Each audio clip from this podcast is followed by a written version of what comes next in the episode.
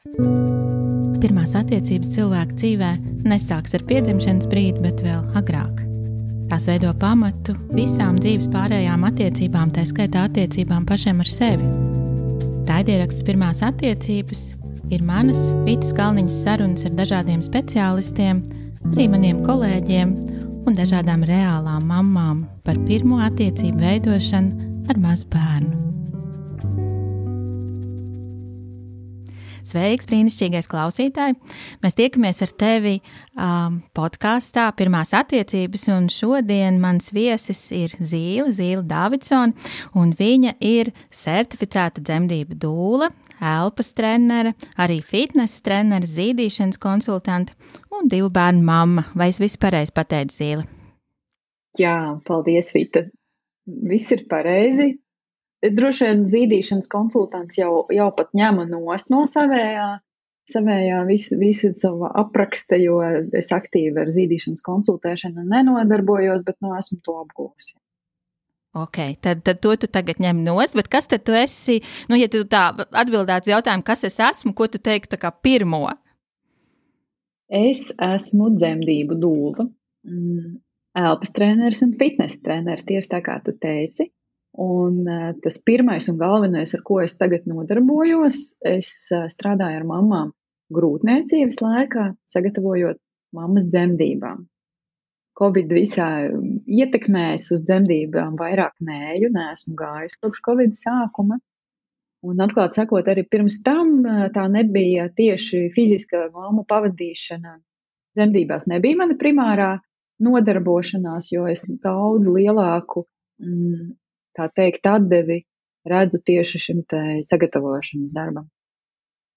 Jā, e, īstenībā um, es esmu izdomājis vienu tādu jautājumu, ko es gribu uzdot visiem saviem viesiem. Tu esi mans pirmais viesis, un tu pirmā dabūsi šo jautājumu. Fantastiski. E, pārējie var. Jūtos tik pagodināti būt pirmais viesis. Forši. Um, jā, pārējie varēs jau sagatavoties, bet tev šis būs pārsteigums.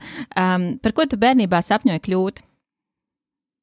Es bērnībā vēlējos strādāt uh, rotaļlietu fabrikā, kur ražoja tādas uh, plasmasas rotaļlietas, kas padomju laikā bija ar tukšiem vidiņiem. Man ļoti gribējās tādu dzeltenu zirgu, kuru es neatceros, vai man nopirka vai nenopirka, bet bija ļoti lielas sirdsāpes par to, ka nav tas dzeltenais zirgs. Un tad es domāju, ka tas ir tik forši strādāt rotaļlietu fabrikā, jo tad tu vari visu laiku spēlēties ar tām mantām. Oh, tiešām sapņaini. Um, cik tuvu vai tālu tad bija tev tālākā profesijas izvēle? No rotaļlietu fabrikas. Jā. Um, tālākā mana profesijas izvēle, man pirmā profesija um, ir um, dizainers. Un um, atklāti sakot, laikam tas nemaz nav tik ļoti tālu, jo tas ir par uh, par uh, lietu radīšanu, kas, kas rada cilvēkiem kaut kādu apmierinājumu, apmierina kaut kādas viņu vajadzības, un vienojot to ar kā to izdarīt, tā teikt, pēc iespējas efektīvāk un labāk, un gan videi draudzīgāk, gan cilvēkam draudzīgāk un tā. Jā, un kā tad tu nokļuvi līdz dūles profesijai? Līdz dūles eh, profesijai pie dūlām mani aizveda nu, meklējumi, kuri, kuri sākās pēc mana pirmā bērna piedzimšanas. Tas jau bija pirms vairāk kā 11 gadiem. Es uh, piedzīvoju foršas dzemdības. Mm, dzemdību namā ar gandrīz nekādu ļoti haotisku sagatavošanos, bet uh, liktenis bija tik foršs un um, piespēlēja man kaut kā visu to situāciju tā, ka um, tas man iedeva tādu milzīgu uh, enerģijas un tādu, nu, kā es saku, to, to tas hormonālais uh, mākons, kas nāk pēc dabiskām dzemdībām, man iesita pa galvu tik, tik spēcīgi, ka man likās, ka tas ir vienkārši kaut kas fantastisks, kas ar tikko ar mani notika, un kāpēc šito nevar piedzīvot vīrieši, cik viņi ir mm, daudz zaudējuši, nespējot izdzīvot to, ko var izdzīvot sieviete, dzemdējot. Mm, un es biju tādos ļoti lielos, tādos eiforiskos spārnos pēc tās pieredzes, neko nesapratu, kas, tu, ka, kāpēc man ir tā sajūta. Nekas man vienkārši likās, ka tas bija kaut kas pilnīgi varens, nenormāli varens tāds dabas notikums. Un, un tad es arī sāku un, un, un jūtu iekšā to sajūtu, ka es gribu tajā atgriezties. Es gribu atgriezties, es gribu to atkal sajust. Man bija skaidrs, ka uh, pati es negribu dzemdēt katru gadu, lai, lai to sajustu, jo tas, protams, nāk vēl ar, ar visu to nākamo cēlienu, kas ir pēc dzemdībām un, un bērnu aprūpe, tas ir pietiekami liels izaicinājums. Sapratu, ka uh, es nebūšu desmit bērnu mamma droši vien, bet uh, kaut kā man gribas tur atkal nokļūt.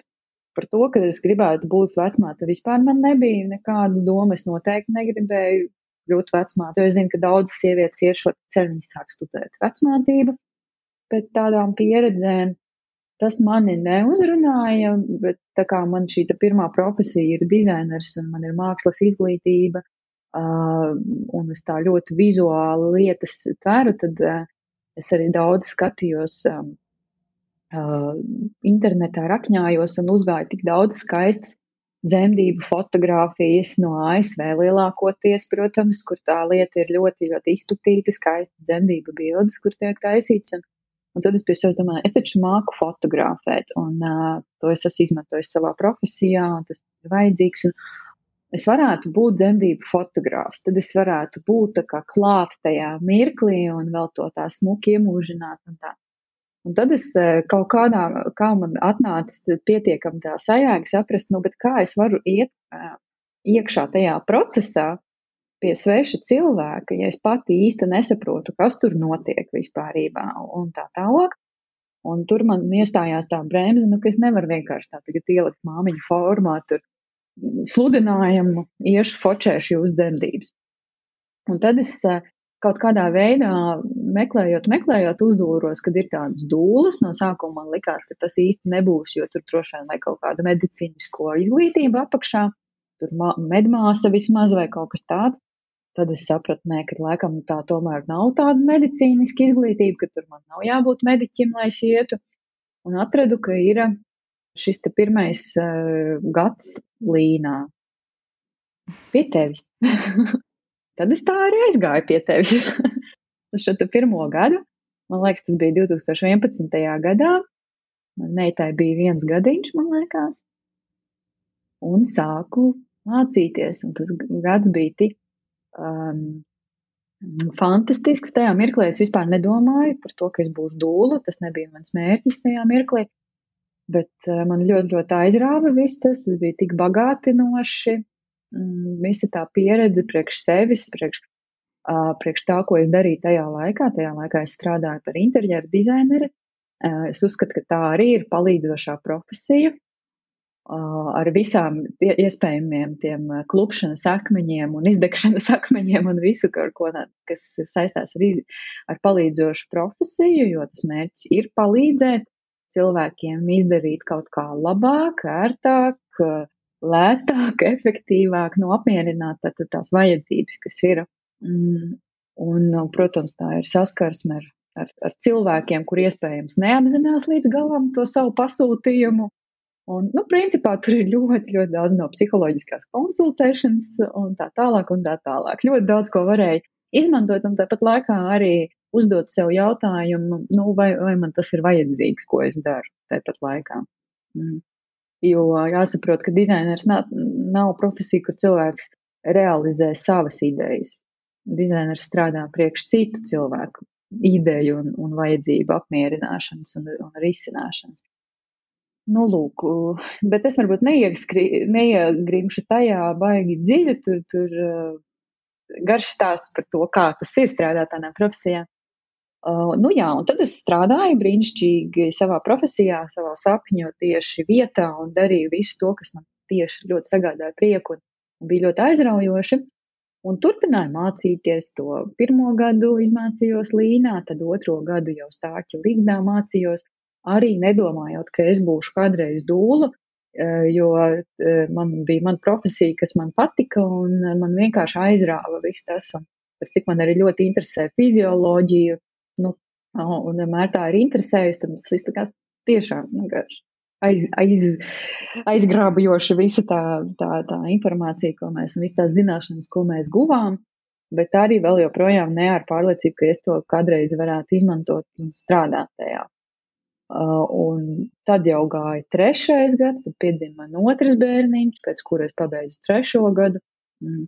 Un tas jau bija 2016. gadā, un vēl joprojām es nedomāju, ka es varētu strādāt.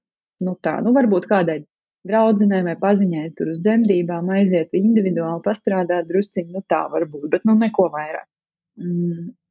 Un tad uh, ap to laiku, kad bija laikam pagājis gads kopš uh, dūlu mācību beigšanas, es vēl piemetināšu, ka no sākuma līdz beigšanai pagāja pieci gadi. Tas, man, nu, īsti, tas viss process nenotiek tik ātri. Tie ir trīs gadi, ja, bet tev tur tā kā bija tās pauzītes. Tā ir īstenībā ir trīs, bet eh, tā mācību organizēšanas, nu, dažādas lietas, kas tur ir grupas savācas, nesavācas, tas var būt arī ilgāks laiks. Nu, jā, un tad bija pagājis gads, kopš es biju uh, certificēta dūla, un uh, kaut kādā momentā, uh, darot savas dizaina lietas, un laikam pie manis atnāca mm, pašai interese par elpu, elpošanu. Sapratu, ka es to gribu pati izprast priekš sevis vairāk. Tieši tāpat kā arī par, par dūles visas mācības, apmēram tā man aizgāja tādā vēlmē to izprast caur sevi un tad redzēs tālāk.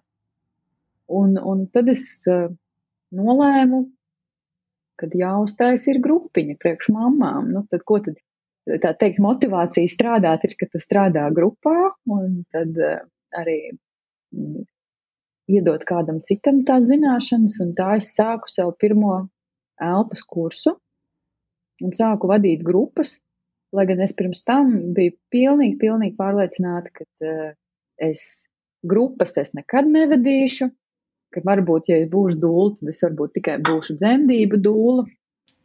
Un, uh, un tālāk strādājot, es sapratu, ka īstenībā šis formāts man ļoti patīk, un, uh, un es arī ļoti daudz varu izmantot no savām zināšanām vai prasmēm vai pieejas no darba dizaina pasaulē tieši par uh, šī te, kā lai saka, ja mēs saucam kursus par produktu, par produktu veidošanu, izklausās šausmīgi, šausmīgi sausi, bet, nu, tā aprakstot, ka, kas tad tas ir, ko mēs darām. Par to, kā mm, mm, sasniegt to gala mērķi, kas būtu sieviete, kas spēj um, piedzemdēt priekš sevis tādā, teiksim, tā saudzīgi un ar apzinātību, saudzīgi gan priekš sevis, gan priekš mazuļa, kā šo mērķi sasniegt un ar kādiem um, soļiem mēs to sasniedzam. Mm, un, un tā jau kopš tā mirkļa, laikam 2017. gada, es to savu šo te uzdevumu visu laiku risinu un risinu. Un, un ja sākumā mans kurs bija uh, trīs nodarbības stundu garas, tad tagad mans kurs ir septiņas nodarbības garas un stundu gara gandrīz neviena nodarbība nav. Un, un tad liekas, kā tad es tur toreiz kaut kā varēju iedot tām sievietēm. Bet laikam varēja iedot, jo tā interese ir augusi un, un, un vēl pāris gadi, un um, man jau nācās atzīt, kad, kad es esmu pilna laika dūla. Oh, cik brīnišķīgi šis stāsts man īpaši uzrunāja arī tas, kur es tomēr drusku sajūtu mums arī to dvēseli radniecību, jo arī man bija tā, ka es izvēlējos strādāt ar grūtniecēm un bēbīšiem, tad, kad es sapratu, ka es nemūžam nevarēšu piedzemdēt tik daudz bērnus, cik ļoti es gribu būt ar to kontaktā. tā kā tur, tur tas mums tiešām ir līdzīgi jauki. Zinu, ko es tev gribu prasīt, ja tev pašai tagad būtu jāizvēlās dūla, pēc kādiem principiem tu viņu izvēlētos, vai pēc kādām pazīmēm, kas tev būtu svarīgi? Mm.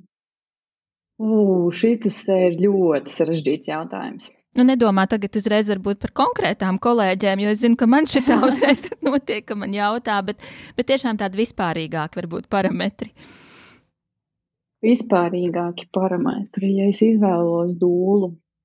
Droši vien es vispirms sāktu ar jautājumu pati sev, ko es eh, vēlos no dūles. Vai es vēlos dūlu, kas man vienkārši atnāks līdzi uh, dzemdībās, būs man līdzās un, uh, un um, man nav svarīgi varbūt tā sagatavošanās daļa, bet man vienkārši ir svarīgi, kad ir man kāds cilvēks līdzi.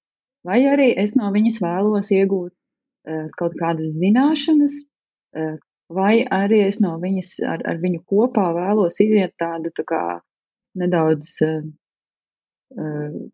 tā, nu, to iekšējo darbu ar sevi, saprast savas emocijas, saprast, kur es pašlaik esmu, un tā tālāk. Cik, cik lielu tieši es to, to, to darbu vēlos. Un cik tu gribētu? cik es gribētu? Nu, man tagad ir grūti atbildēt, jo es uz to jau varbūt skatos tā pārāk, nezinu, profesionāli. jo es domāju, ka es, eh, tad, kad es dzemdēju pirmo bērnu, es visticamākais gribētu vienkārši dūlu, kas man ir līdzās. Man nebūtu saprotams, ko es no viņas varu gribēt, ko es varu negribēt. Man droši vien interesē vairāk tāds cilvēciskais konteksts, lai mēs varam forši parunāties, lai ir, mēs runājam vienkārši vienā valodā. Teiksim tā, ka mūsu temperamenti saskan un, un mūsu tāda dzīves uztvere saskan, ka mēs jokojamies pa vienām lietām un, un ironizējam arī pa līdzīgām lietām un, un tā. Uh, tagad varbūt es droši vien meklētu uh, cil, dūlu, kurai būtu tās prasmes tādas, ka es varu arī ar viņu tiešām runāt un parakāties vairāk kaut kādās savās tajās iekšējās bailēs un bažās un uh, Un iespējams, ka uh, arī mm, apgūt kaut ko, kas, kas man varētu palīdzēt dzemdībās. Mm, nezinu, vai es pa sarežģīti neatbildēju uz tavu jautājumu. ir skaidrs, ka mēs nevaram aizmirst to pieredzi, kas mums jau ir, vai ne? Un, un tad, Grūti man noteikti. no tā abstrahēties, jo par cik es pati ar to strādāju, es zinu, kā man liekas, kā vai, vai tas, ko, ko es zinu, ko es gribu iedot sievietei un kur es redzu to ceļu. Tā pašai no tā abstrahēties baigi grūti. Jā, es varu iztēloties. Bet saka, kādas priekš tevis šobrīd tavā uztverē ir tādas izdevušās dzemdības? Izdevušās dzemdības. Tas arī ir jautājums, vai tas ir jautājums par mani pašu, vai izdevušās dzemdības priekš kādas citas sievietes. Nu, es domāju, vispār sievietei, lai, lai tu, nu, teiksim, varētu pat, lai viņi varētu justies, tas, tas bija labi, un tu varētu tā kā, jā, nu, ir, ir izdevies tas, kas ir gribēts. Mm, tā, mm, nu, tur droši vien jautājums ir, kādas viņai ir pašai bijušas tās ekspektācijas pret dzemdībām, ko viņa uzskata, kas ir priekš viņas izdevušās dzemdības, jo tās noteikti nevar, nu, tā, pielāgot vienu modeli visām sievietēm. Būs ļoti dažādas atbildes, kas katrai ir izdevušās dzemdības. Būs sievietes, kam būs izdevušās dzemdības jau nu, visi dzīvi pēc tam. Tā, ka tās ekspektācijas ir pavisam, pavisam zemes, un tur nekas cits arī nav sagaidāms. Un labi ir, ka visi dzīve beigās. Būs. Jā, jo tas īstenībā nav maz, vai ne? Mm, tas arī ir daudz, un nekas cits nav gaidīts, un, un tas ir, tās ir izdevušās dzemdības priekš viņus, un tad būs sievietes, kurām varbūt viņas meklē kaut ko citu šajā pieredzē un, un, un gaida kaut ko citu.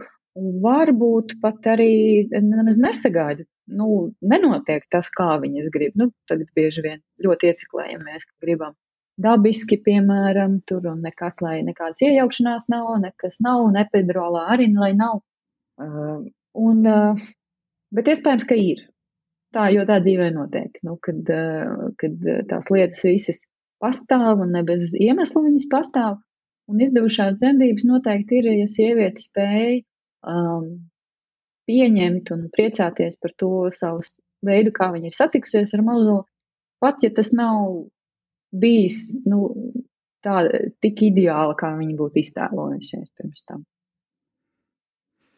Kā tev liekas, cik liela saistība tam nu, jā, tā sajūtai par to, ka man izdevās, ir ar to dzemdību plānu, vai viņi ir viņu rakstījis vai nav, un, un cik tas tur sakrīt kopā viss. Mm. Mm. Um, uh, nu tas droši vien jautājums ir, kā raksta to plānu. Jo dzemdību plāns, ja neizprot viņa tā, teiksim, tā būtību, var arī ļoti iegāzt un, um, un nevis iedot to pārliecību un drošību doties uz dzemdībām, bet tieši pretēji var iedot vienkārši daudz, daudz punktus, kuros mēs tad pēc tam viļamies tajās dzemdībās un nevis sasniedzam to, ka tas plāns ir palīdzējis piedzīvot tās iztālotās dzemdības, bet plāns ir tieši iedevis mums daudz tēmas, par ko beigās būt neapmierinātām. Un tāpēc jautājums tiešām, kā tie plāni tiek rakstīti, um, vai tie plāni uh, mums dod tikai, teikt, vīziju, ko mēs gribam, vai tie plāni mums dod, vai tajos plānos mēs pašas rodam atbildi, kā tad mēs to sasniegsim. Vai arī kā mēs uh, piedzīvosim un pieņemsim to, nu, ja, ja nebūs tā, kā mēs būtu gribējuši. Ko tu iesaki savām klientēm rakstīt vai nerakstīt? Es viņām lieku rakstīt. Aha, tu pat liec!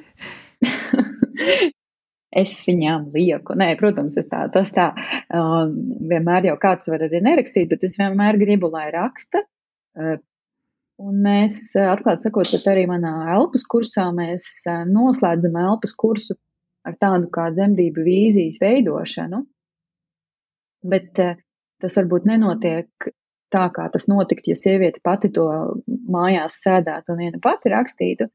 Tas vairāk ir kā tāds uh, um, mm, apkopojums un tāda apdomāšana par to, kur tad es esmu visā tajā procesā. Um, ir vairāk ar to dzemdību plānu. Es vēlos, lai sieviete ierauga to savējo savu lomu tajā un ko viņa var darīt. Un, un tad, kad sieviete ierauga savu lomu un ko viņa var darīt dzemdībās, lai sev un mazulim palīdzētu, um, tad es uzskatu, ka arī daudz retāk viņa jutīsies vīlusies pēc dzemdībām, pat ja varbūt tur nebūs noticis gluži tā, kā viņa gribēja, jo viņa būs zinājusi, ka viņa, kas ir tas, ko viņa var darīt, kas ir viņas spēkos, kas nav viņas spēkos, un viņa vienmēr varēs, nu, tā kā saprast, nu, ka es darīju, es, es vismaz darīju, es mēģināju visu, ko es varu darīt. Mm, Jo tas, man liekas, arī ir tas, kas ir plānā, tā kā jāsaprot plānu taisot, kur ir tā robeža, cik mēs ietekmējam un kur mēs vairs neietekmējam. Tā teikt, atrast mieru ar to, ka būs tas, ko mēs ietekmēsim, būs tas, ko mēs neietekmēsim. Un, man liekas, arī, ja tu atgriežas pie tā iepriekšējā jautājuma par to um, veiksmīgu, nu, tad man liekas, ka tas veiksmīgums varbūt arī tur ir, kad, kad ir bijusi spēja paskatīties, kas tad ir tas, tas man, manas iespējas. Mm, ja es esmu izmantojis visas savas iespējas, un tāpat varbūt nav bijis, kā es gribu, tad es domāju, ka tās sievietes ir, ir daudz apmierinātākas. Vai vispār viņas, nu, nu, viņas apzinās, ka varbūt nav tas, tas izsapņotais bijis, bet viņas nav vīlušās varbūt tajā, ka ir bijis tā, kā ir bijis. Šodien sarunā tiekamies ar Dūlu Zīli Dāvidsoni. Runājam par gatavošanos dzemdībām, par elpas nozīmi tajās un arī par to, kā var palīdzēt dūle. Es vēl mazliet pie tās gatavošanās. Uh, nu tad, kad es pirms gandrīz jau 24 gadiem gatavojos savām pirmajām dzemdībām, tad tas bija apmēram tā, ka nu, es biju sarunājis savu ārsti, ginekoloģi, dzemdību namā. Nu, man bija līguma ginekologs, tas likās toreiz šausmīgi pareizi, ka tā vajag. Un viņa man, nu, es nepārspīlēšu, varbūt trīs teikumos pateica, nu, tā kā ir trīs dzemdību periodi. Uh, nu, tur vispirms notiek tas, tad tas, tad tas, vai ir vēl kādi jautājumi. Nu, man man nebija pilnīgi neviena jautājuma, jo man nu, vispār nebija ne jausmas, kas notiek dzemdībās. Man bija tolaik 23 gadi, un es absolūti uzticējos, man ir, man ir līguma ginekologs, un man viss būs labi. Uh, var teikt, ka, nu, bija pietiekami labi. Tā kā tu teici, īpaši negatavojoties, var arī paveikties.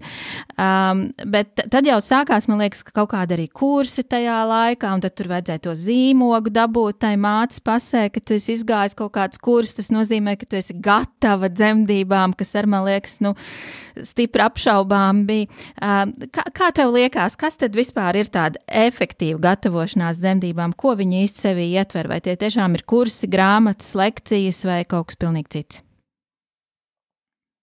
Mm, tu man tādu ļoti tuvu sāpīgu tēmu uzķēri. Jo nu, tas ir tas, par ko es atklāti sakot, arī ar ko es visu laiku strādāju. un ar ko es visu laiku arī maļu tajā savā profesionālajā pašā pat, patreizējā darbībā, nu, meklēju to, mm, to veidu, kas tad ir tā sagatavošanās un kā tad palīdzēt sievietei būt gatavākai dzemdībām. Un, protams, kad mēs noklausoties kaut kādu lekciju, vai ja mums tas ārsts, nezinu, neilgā laikā pastāst, nu, tad teikt piecus vārdus par dzemdībām, mēs esam varbūt drusku gatavāki. Nu, nu, nav tā, ka mēs neejam pilnīgi uz dūlo. Um, un, un dažreiz, vai bieži vien, tas arī ir pietiekami. Nu, nu tā, kā teicu, var paveikties. Varbūt, ka ar to arī pietiek. It īpaši, ja nu, cilvēks ir pietiekami arī stabils pats emocionāli un nav varbūt bijuši dzīvē kaut kāda tāda liela satricinājuma un kaut kādas tādas varbūt emocionāli izaicinājumi, kas ir atstājuši pēdas tajā personībā, tad es domāju, ka var arī ar to viss paveikties, teiksim tā. Bet, ja tā drusku dziļāk tajā paskatās, tad um, tas, ko es tagad daru, droši vien arī ir atbilde tam, ko es par to domāju. Un es domāju, ka uh, viena lekcija par to, kāda ir dzemdību gaita un kā ir jāelpo, bieži vien tas ir vienā ielikts. Nu, tā stundas laikā izstāstīsim gan par visām fāzēm, varbūt arī vēl par pozām un varbūt arī vēl par to elpošanu. Un tā teikt, visi vienā stundā esi gatavs un zīmodziņš pasē. Nu, es teiktu, ka, nu, mm, sieviete būs informēta bet informēts nenozīmē gatavs. Un dažreiz es arī uh, velku tā kā analoģiju un stāstu savām mamām un arī tētiem, nu, par to, piemēram, uh, gatavošanos uh, braukt ar automašīnu un iesaistīties satiksmē. Tā kā mēs, kā būtu, ja mēs, jo cilvēkiem dotu braukšanas apliecību tikai pēc tam, ka viņiem, nu, stundiņu būtu izstāstīts, kā mašīna strādā, un stundiņu būtu izstāstīts, nu, ka tur ir tās zīmes, tur tās ceļa zīmes, un tur tā nozīmē, tur nedrīkst pa kreisi griezties, un, un stop nozīmē, ka stop jāapstājās un tā tālāk. Un, um, un līdzīgi arī, nu, es pieļauju, nu, ja tas šis cilvēks pēc tam iesaistītos satiksmē, nu, tad es domāju, ka rezultāti tur varētu būt diezgan dažādi no tādiem, kur viss tā kā paveicās un kaut kā laika gaitā cilvēks arī iemācās braukt, bet ļoti iespējams arī, ka tas nemaz nu, neve, nebeigtos labi. Un līdzīgi arī ar šo gatavošanos procesu dzemdībām.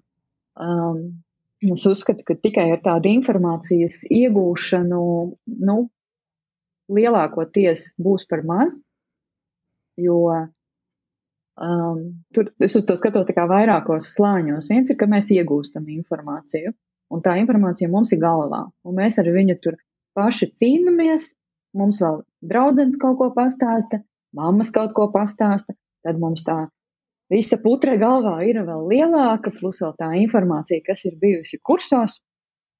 Uh, ja kādam tas varbūt dod miera sajūtu, kādam tas galīgi nedod miera sajūtu, nu, un tad mēs dodamies dzemdēt. Nu, kā, kā tur veiksies, tā tur veiksies.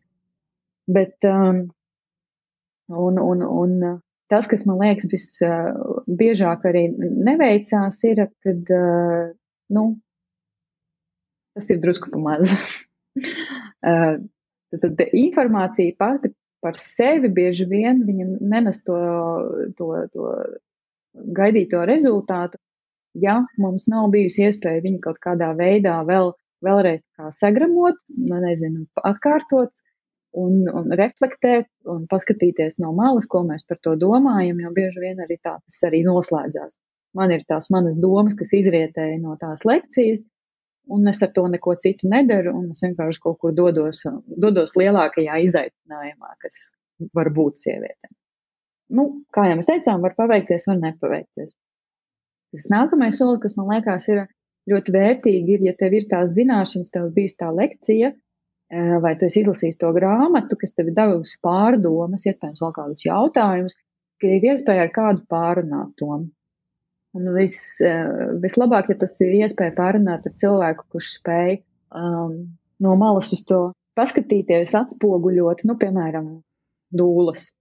Jo dūlas tieši ir gatavotas vai ne šim darbiņam. Un palīdzēt sievietē pašai saskatīt, ko tad viņa ir sapratusi no tām. Jo bieži vien ir tā informācija, ir baigi daudz, Bet kas no tā ir saprasts? Nu, nav vispār nekas saprasts. Ir vienkārši viss vienā tādā lielā mučkulī un vēl no tā izlu, iz, izlobīt ārā, ko tad pati sieviete darīs dzemdībās ar visu, visu, visu šito te.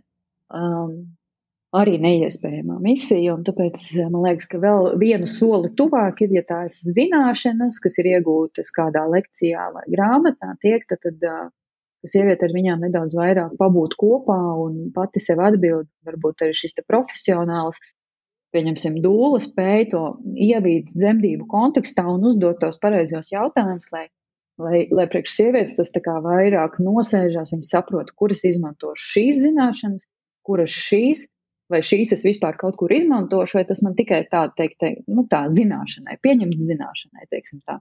Vai tas man tiešām kaut ko beigās dzemdībās palīdzēs, pieņemt zināšanai.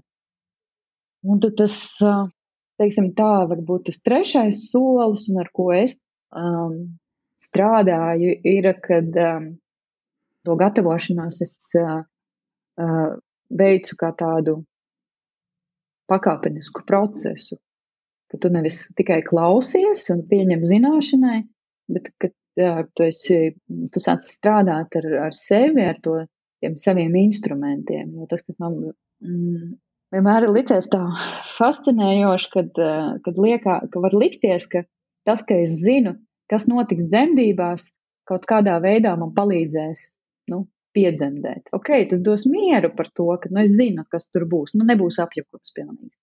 Bet šīs zināšanas par to, kas notiek dzemdībās, var pilnīgi, pilnīgi nedot nekādu priekšstatu par to, ko es pati, es cilvēks, kas dzemdēs, tur darīšu, un kā es tam tikšu pāri, un kā es sevi savākšu, un kā es eh, spēšu nomierināties, kā es spēšu pārvarēt sāpes.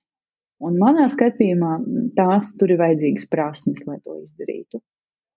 Un prasmes mēs nevaram iegūt no lekcijas. Varbūt mēs varam no grāmatas eh, iegūt, ja tur ir kaut kādi uzdevumi vai kaut kādi vingrinājumi, kas ir pieminēti, un ja tu patiešām viņus arī izpildi, nevis tikai tā izlasi un nākamo, nu, tā aizšķiram nākamo lasāmo gabalu ātri lasam tālāk. Nu tā.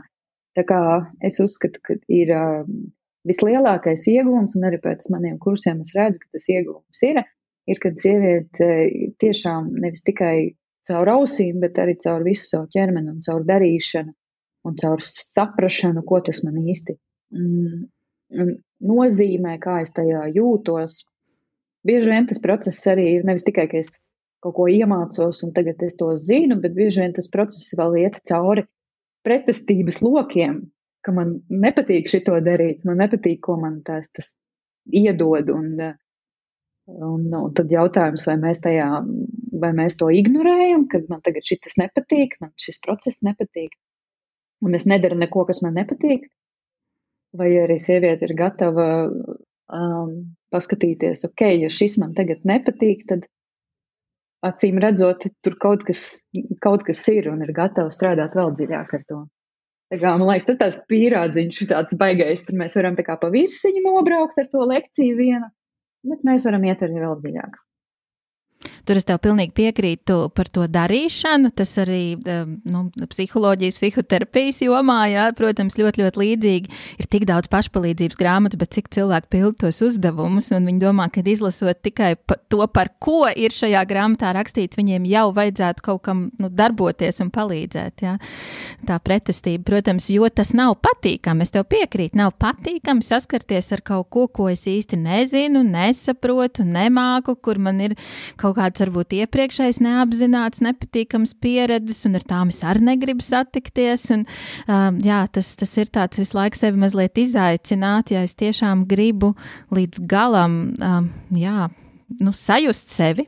Jo skaidrs, ka dzemdībās arī daudz kas ir par, to, par ķermeņa sajūšanu. Ja, ne, nu, ķermeņa apzināšana, ne tikai par saprāšanu, tā kā tu to brīnišķīgi pateici. Labi, es gribu teikt vēl uh, parunāt par to, ja viss nesanāk. Ja?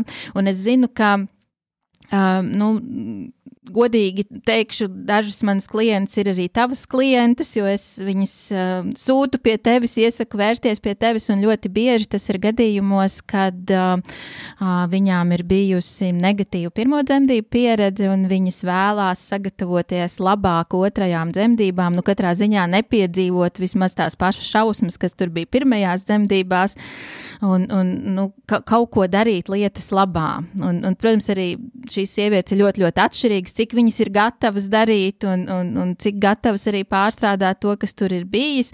Bet nu, um, ar, ar elpu viņas bieži ir gatavas strādāt. Nu, tas liekas saprotami, ja es iemācīšos elpot, un, un tad varbūt tas man jau kaut kā palīdzēs. Kāda ir tava pieredze strādājot ar šīm mamām, ar šīm nu, sākotnējām negatīvajām pieredzēm? Mm. Oh, strādājot ar mamām, kurā, kuras nāk gatavoties atkārtotām dzemdībām, pēc jau piedzīvotām dzemdībām, jā, es um, diezgan daudz saskaros ar sievietēm, kuras nāk pēc tādām izteikti negatīvām pieredzēm.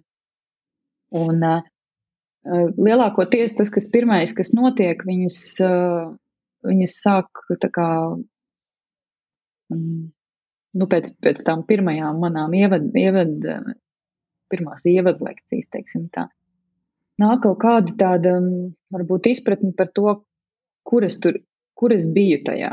Mm, vai arī, nu, tālāk ejot jau kursā, bieži vien viņas, kā lai saka, viņas iziet cauri. E, tur, tur daudz vairāk notiek tas e, visu laiku, tas varētu teikt, droši vien analīze. Viņas pašas analizē visu laiku.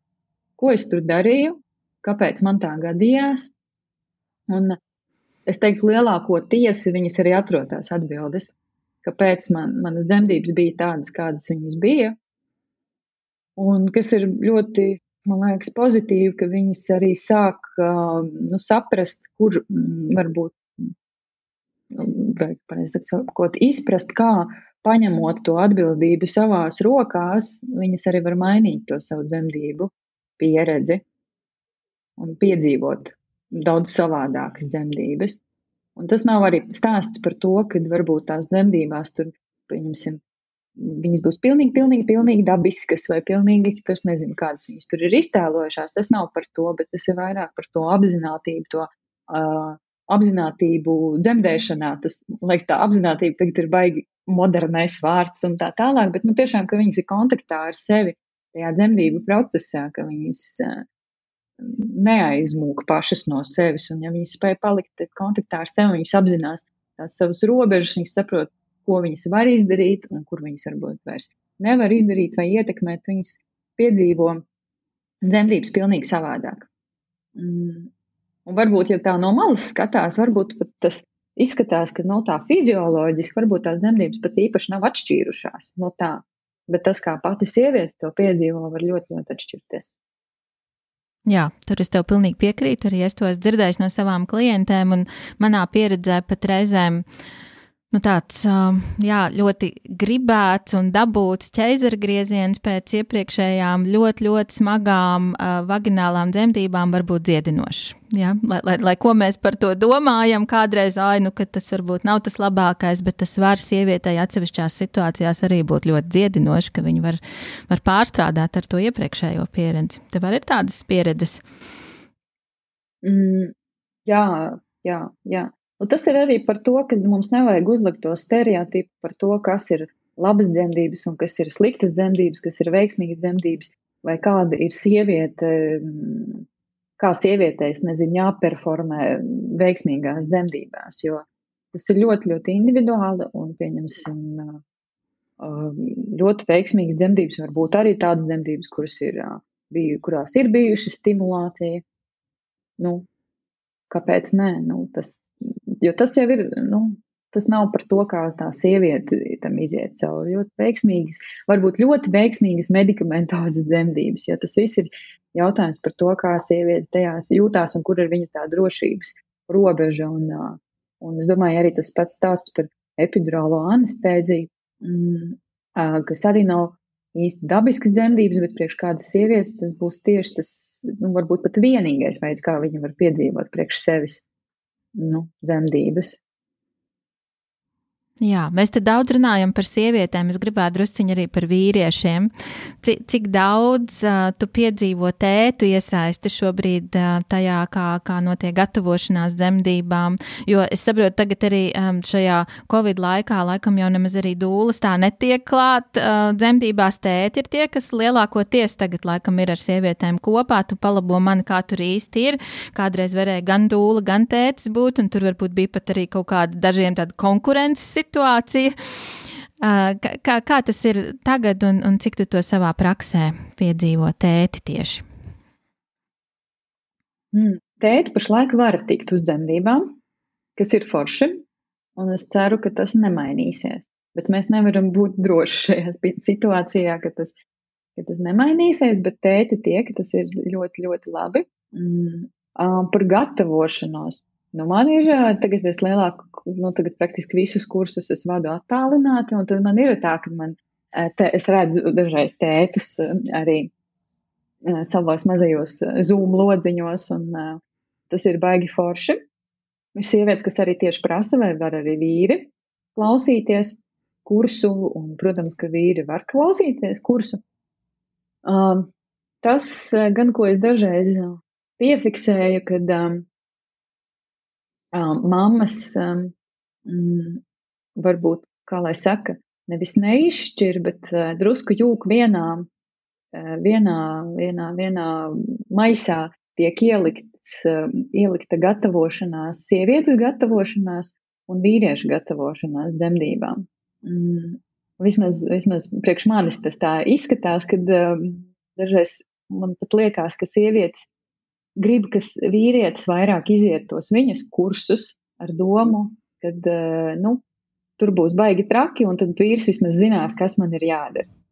Kā jau teicu, mans kurs ir par darīšanu un par procesu, kam sieviete pat iziet cauri, un tur īsti nederēs tas, ka vīrs to izdara viņas vietā. Tieši tāpat kā dzemdībās arī vīrs nepiedzemdēs, un tāpēc arī man ir diezgan atšķirti, lai gan vīrs var klausīties arī sievietēm paredzēto kursu, bet man tās lietas ir atšķirtas, un jo vīrus es gatavoju vairāk kā dzemdību atbalstošās personas, nevis kā dzemdējošās personas. Bet es esmu pamanījis, ka šis te jūk. Sievietēm gribās, ka vīri klausās viņu kursus un iet viņu kursus, bet viņas pat dažreiz ieņem pasīvāku lomu ar domu, ka es jau tur neko nevarēšu bez mazliet. Jā, es domāju, cik ļoti tas arī ir iespējams kaut kas par pāri attiecībām, ka vispār tik ļoti gribās, lai viņš tā kā iedziļinās tajā, kā es jūtos, kā man klājās, un varbūt tas ir viens veids, kā es viņu vismaz varu dabūt pie tā, kas man ir svarīgi, ka viņš tad ar mani ir kopā tajos kursos un klausās tās, tās lietas un, un iedziļinās un varbūt uzņemās līdzatbildību. Jā, uh, par to konkurenci. Es to piedzīvoju kādreiz, ka vīrietis dūlu uzskata par konkurenci. Es neesmu. Man atklāt sakot, vienmēr visā, visās dzemdībās, kuras esmu bijusi kopā ar tētēm, mm, es tagad nevaru atsaukt atmiņā kādas citas pieredzes, bet man vienmēr ir bijusi ļoti pozitīva pieredze dūlot ģimeni, kur ir, kur ir, nu, lielākoties, protams, ir gan māma, gan tētis dzemdībās. Un, un um, Pie, tur nav vispār, īstenībā es pat neesmu to tādā konkurences kontekstā izjutusi, jo es vienmēr esmu jutusies, ka es dūloju abus divus. Jo tie tēti bieži vien tādi, nu, var redzēt pilnīgi, kā viņi nomierinās un atslāpst, un arī viņa tā trauksmes līmenis krie, krietni krītās, kad uh, līdzās ir dūla, kas var uh, apstiprināt par to, kas notiek, kad viss ir kārtībā, vai vai nedaudz izskaidrot, ko nozīmē šis un ko nozīmē tas, kas tur notiks un kur mēs ar šo nonāksim. Un, un, un uh, iedot kaut kādus, varbūt, pieturpunktus vai idejas, ko, ko varētu darīt kaut kādās situācijās. Tā kā es neesmu tādu konkurenci vispār pat, laikam, izjutusi tieši dzemdību kontekstā. Tā tam droši vien arī būtu labi, ja tā būtu. Jauki dzirdēt no tevis. Um, vai, vai tas, um, jā, ko tu dari, mācot to elpošanu, vai tas kaut kā sievietei var palīdzēt arī pēcdzemdību periodā? Mm. Mm. Es domāju, ka viennozīmīgi. Es domāju, ka viennozīmīgi var palīdzēt pēcdzemdību periodā, jo es īstenībā uz šiem procesiem, es viņus tā neuzsveru sievietē, tad, kad viņi iet elpas kursu pie manis, jo mēs fokusējamies tomēr uz dzemdībām, bet man liekas, ka ja sieviete ir um, bijusi pietiekami mērķiecīga un ir izgājusi visu to procesu no visas sirds un, un visu darījusi un spējusi um, sevi iedziļināties, tad tās prasmes ir ļoti noderīgas arī pēcdzemdībās. Jo, nu, tā teikt, lai mēs spētu uh, mierpilni un harmoniski dzemdēt, es tur šos vārdus izmantoju, tāpēc, ka sievietes bieži vien uh, nāk un saka, es gribu harmoniskas dzemdības, vai es gribu mierīgas dzemdības. Tāpēc es šos vārdus izmantoju. Tas nav tā, ka visām, ka visas dzemdības būtu tagad um, harmoniskas un mierīgas, jo skaidrs ir, ka tās dzemdības var būt diezgan liela vētra arī. Bet, nu, Tātad, ja šis te ir tāds mērķis, tad mēs to varam panākt ar elpu un ar apzināšanos, kad mēs sākam atpazīt savu ķermeni, savas ķermeniskās reakcijas uz stresu, uz, nu, uz stresu lielākoties. Un šo te apgūstot, kā izrādās, kā es redzu pēc sava darba augļiem, ir iespējams piedzīvot mierīgākas um, un uh, nu, netik trakas, netik sāpīgas, kā viņas pašas saka, dzemdības, dzemdības, kurās viņas saprot, kas notiek, kur viņas saprot, kā sev palīdzēt. Un, un šīs prasmes, principā, jau ir tās pašas prasmes, kas būs vajadzīgas tad, kad ikdienā ar mazuli tu būsi arī tajā, nu, kā lai saka, neziņas stresā vai nu, nogurums, neziņas stresa. Ļoti līdzīgi dzemdībām, atklāt sakot, nu, tie, tie, nu, it kā divas pilnīgi paralēlās pasaules, bet tas prasa līdzīgas tev iemaņas. Tad, tad iemaņas par to, ka tu saproti, ko, kas ar tavu, tevi notiek. Tas ir viens no pirmajiem uzdevumiem man elpas kursā, atklāt sakot, saprast, ko tu dari kaut kādās momentos ar to savu stresu un satraukumu un tā tālāk. Un tagad tev tas ma mazulītis, kas raud un raud un raud rokās un tā spēja sevi saprast, sajust, zināt un prast sevi tajā mirklī nostabilizēt, mm, ir nu, pamatlieta, lai vispār spētu to mazuli nomierināt un, viņu, un saprast, kas tur notiek un kā viņam palīdzēt. Tā tālāk. Jo tiešām li, ļoti līdzīgi dzemdībām, manuprāt, ka tu iekrīti tajā, pieņemsim, dzemdībās, tajā neziņas panikā, tev sāp, tad viss ir grūti, tu vispār nesaproti, kas notiek. Tur pārelpojies līdz ģībienam jau, nu, nu kā tu sev palīdzēsi tajā mirklī. Protams, viss grūst, grūst jūk un, un nekas nesanāk bet sevi spējot, un tī, līdzīgi ar mazuli arī. Viņš raud, un tu sāc ar viņu tur kopā uzvilkties un sāc ar viņu raudāt kopā, un tad jūs tur abi raudat, un kamēr jūs esat tajā ritulī, un, un mammai nav, nu, prasmes spēja sevi no turienes izvilkt ārā, um, nu, tad tā kā happy, happy end tur droši vien nav paredzams, bet, nu, ja ir tās prasmes, un mamma spēja tā kā vairāk distancēties, saprast, ok, kas te notiek, kā es savu nomierinu, tad jau viņai ir daudz lielākas iespējas iedot to stabilitāti un mieru arī savam mazulītim. Un, zin kā, es uzdrošināšos vēl apgalvot, ka tās prasmes uh, droši vien uh, nodara uh, ne tikai ar bērnu, bet arī ar divgadnieku, arī ar skolnieku, pusaudzi Jā, un vēl noteikti. lielāku bērnu. Protams, man liekas, pilnīgi ar visiem, nu, visa veida tādā emocionālā komunikācijā. Paldies, tev liels zīle. Man liekas, tik brīnišķīgi klausīties tevī par šīm lietām, kā tu par viņām runā. Un man gan nav vairs, vairs plānā neviens bēbītis, bet um, es, es ceru būt vecmāmiņa. Tā kā es, es noteikti gribētu, lai manas meitas arī tevī kādreiz paklausās par šiem jautājumiem. Pēdējais jautājums man te ir, saki, vai tev ir kāda grāmata, kur tavā dzīvē ir kaut ko, nu, rīktīgi izmainījusi un kur tu nu, varbūt gribētu ieteikt arī citiem, ka tā var būt tāds pavērsiena punkts? Grāmata? Jā, grāmata. Drusciņā jāpadomā. Man ļoti grūti atbildēt uz šo jautājumu. Jo man liekas, ka es pēdējā laikā lasu tikai dažādas profesionālās grāmatas par fizioloģiju, anatomiju, un dzemdībām un visu kaut ko. Un es domāju, ka tā neviena, nu, nezinu, vai viņas varētu būt tādas, kas ļoti tā pavērš visu. Katrai ir kaut kāds savs tas informācijas apjoms ļoti specifisks. Bet uh, es varbūt varu padalīties ar grāmatu, kura man ļoti palīdzēja um, pirms kaut kāda neilga laika um, sevi atslēgt. Nu, tā kā atslēgt no tādas tā ikdienas stresiņa, jo, nu, es teikšu, es esmu tiešām ļoti jūtīgs cilvēks un, un viss tas, kas notiek apkārt, tas diezgan daudz arī rezonē ar mani un, un man ir grūti arī tajā. Un tad uh, man draudzene iedeva izlasīt vienu fantastisku grāmatu, kas man uh, kalpoja kā tāda, mm, kā lai saka, tāda miera um, ostiņa, ko palasīt vakaros, lai atslēgtos no tādas visas ikdienas uh, stresa un ritma. Un, um, grāmatas nosaukums ir Kalendārs mani sauc. Es vairs neatceros autoru.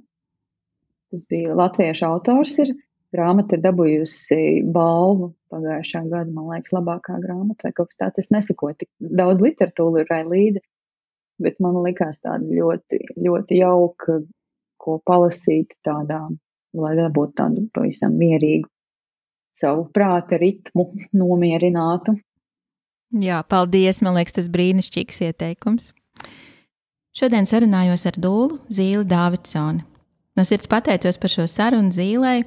Ja vēlaties vairāk uzzināt par zīles darbu, tad norādes par to, kur viņu meklēt, atradīs raidierakstu piezīmēs. Ja tev ieinteresēja, kā var kļūt par dūlu, tad meklē informāciju mūsu mājaslapā, sadaļā Mācību centrs. Šis ir ģimenes psiholoģijas centra Līna raidieraksts.